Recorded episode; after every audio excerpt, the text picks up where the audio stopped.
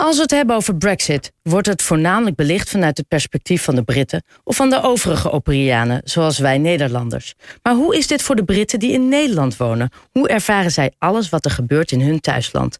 Ik bel met Ilza Ledbetter.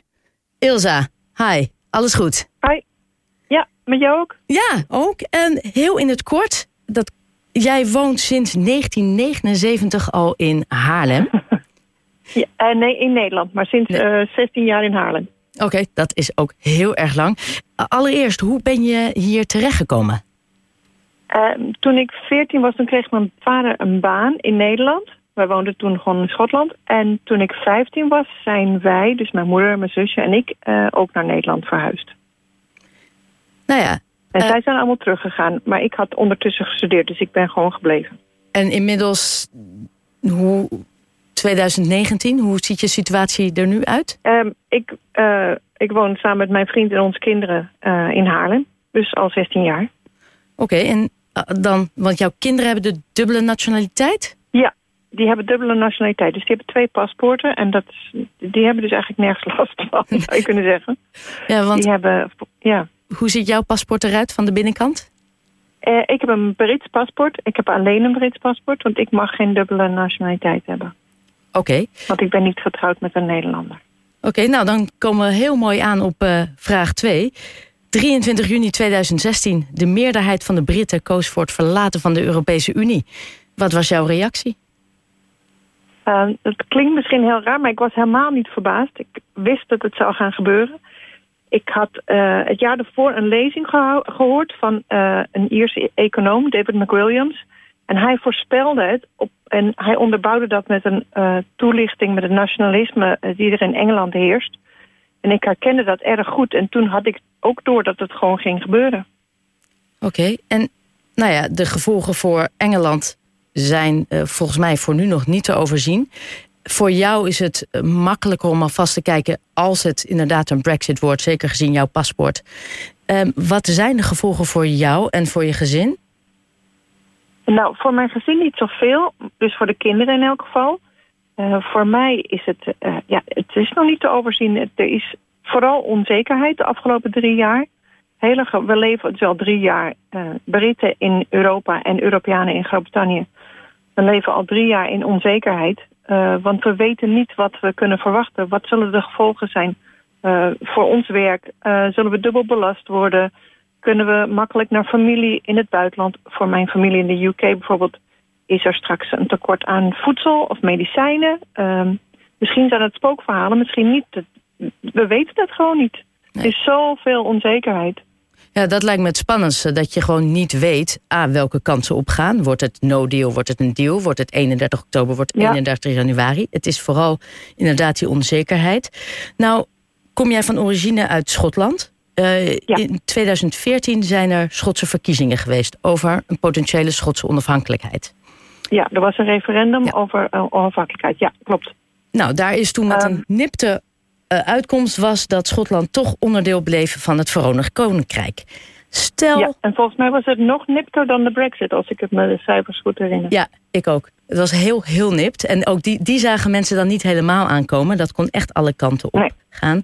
Maar als brexit straks daadwerkelijk een feit wordt en het Verenigd Koninkrijk de EU verlaat.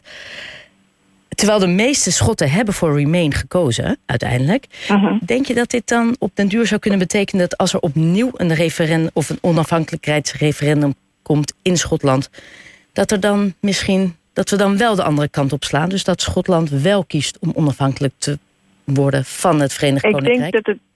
Ja, wat ik zo hoor, heeft het wel uh, impact. Um, voor, voorafgaande aan de referendum in 2014 is er door de, uh, de tegenstanders van onafhankelijkheid... die gebruikten als argument dat als Schotland bij de UK bleef... dan bleef het ook in de EU met alle voordelen van dien. Um, die voordelen zijn natuurlijk nu weggestemd door de Engelsen. Um, en daarom de mensen die eigenlijk uh, die op, op, grond van dat argument uh, gestemd hebben tegen onafhankelijkheid... Um, er is natuurlijk een goede kans dat die nu wel voor onafhankelijk zijn. En zeker gezien de manier waarop de uh, Westminster nu over Schotland praat. Schotland wordt totaal buitenspel gezet bij de brexit-onderhandelingen uh, en afspraken daaromheen. Um, dat zal zeker bijdragen tot uh, een grotere wens voor onafhankelijkheid, denk ik. En hoe kijkt jouw familie uh, in Engeland aan tegen deze ontwikkelingen? Um, Roepen ja, ze je al uh, terug? Ik zeg, heb, kom hierheen? Ja, ik heb afgelopen zaterdag samen met mijn zusje gedemonstreerd. Dus ze zijn ook tegen brexit. Dus gelukkig hebben wij geen interne familieruzies. Want die zijn er ook. gezinnen en families die onderling niet eens zijn over brexit. Wij, wij zijn allemaal uh, tegen de brexit. Want vertel heel, Um, sorry dat ik je onderbreek. Jij was Londen, in Londen afgelopen zaterdag... en bij de demonstraties tegen brexit, daar was jij aanwezig. Nou, die demo, ja, die demonstratie was, was niet zozeer tegen brexit... als voor een tweede referendum, ja. nu we beter weten wat de keuze is. Denk je dat er daarnaar wordt geluisterd? Um, ik denk niet... Nee, nee, dat denk ik niet. Nee. Toch dat... heb ik het gedaan. Nee, nee, nee, maar het gaat nee. om... Je hebt in ieder geval je steentje bijgedragen en je hebt laten ja. horen. Hoe was de sfeer daar? Heel goed, heel goed. Het was uh, heel vredig. En tijdens de demonstratie is er uh, bekend geworden dat de Letwin Amendment... dus het feit dat uh, de Brexit-bill van Johnson... zijn deal niet in één keer goedgekeurd kon worden... Uh, dat, dat, uh, dat dat amendement uh, goedgekeurd is. Dat werd bekend tijdens de demonstratie. Dus dat was een grote juichstemming. Um, maar ondertussen heb ik er wel een hard hoofd in. Het gaat gewoon gebeuren. De brexit aan zich bedoel je? Ja, daar ben ja. ik wel heel bang voor. Ja, want ik had net Tim de Wit, de correspondent, aan de telefoon... en die zegt dus dat er nieuwe verkiezingen zullen gaan komen ja. begin december. en dan met een kans dat het inderdaad wordt uitstel komt van brexit. Maar dat brexit er komt... Hoe, die kans acht, schatte jij ook hoog in? Ja, aan, aan de andere kant is het wel zo dat Theresa May heeft natuurlijk ook tweede een verkiezing uitgeroepen om meer macht in het, in het tweede in de, ja, de House of Commons te krijgen. In het lagerhuis. Um, en dat is bij haar ook mislukt, of haar mislukt. Dus het kan zijn dat het verkeerd uitpakt voor Johnson. Maar um, ja, om een of andere reden heeft, is hij wel populair. Hij is heel populair. Niet te begrijpen, begrijp niet te begrijpen.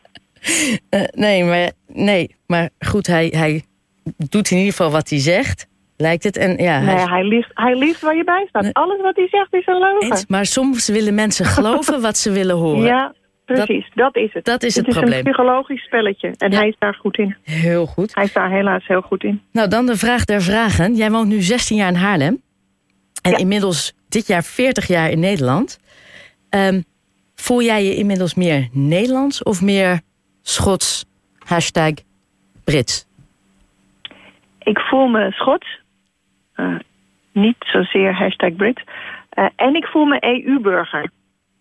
Um, maar niet specifiek Nederlander. Mijn wortels zijn niet hier. Um, dus ik voel me als een Schot die in Nederland woont. Dus, en ik doe ook heel, hard, volop mee in de Nederlandse maatschappij. Ik betaal belasting, ik werk. Um, ik heb een goed leven, maar dat, um, ik voel me niet Nederlander. Dus als jij zou moeten kiezen tussen je nationaliteit... de Nederlandse aannemen en de Schotse vaarwel zeggen... of de Britse nationaliteit, sorry. Wat wordt dan de keuze? Nou, de, Britse hou ik op dit moment aan... Uh, omdat ik hoop dat Schotland onafhankelijk wordt... en uiteindelijk weer bij de EU komt. Um, dat is de reden voor mij om op dit moment een Brits paspoort vast te houden. Um, ja, makes sense. Ik, heb, ja, ik hoop dat nog steeds. Ja, en wat ik zeg, tot het eind van het jaar en wellicht tot eind januari weten we nog niet heel veel meer.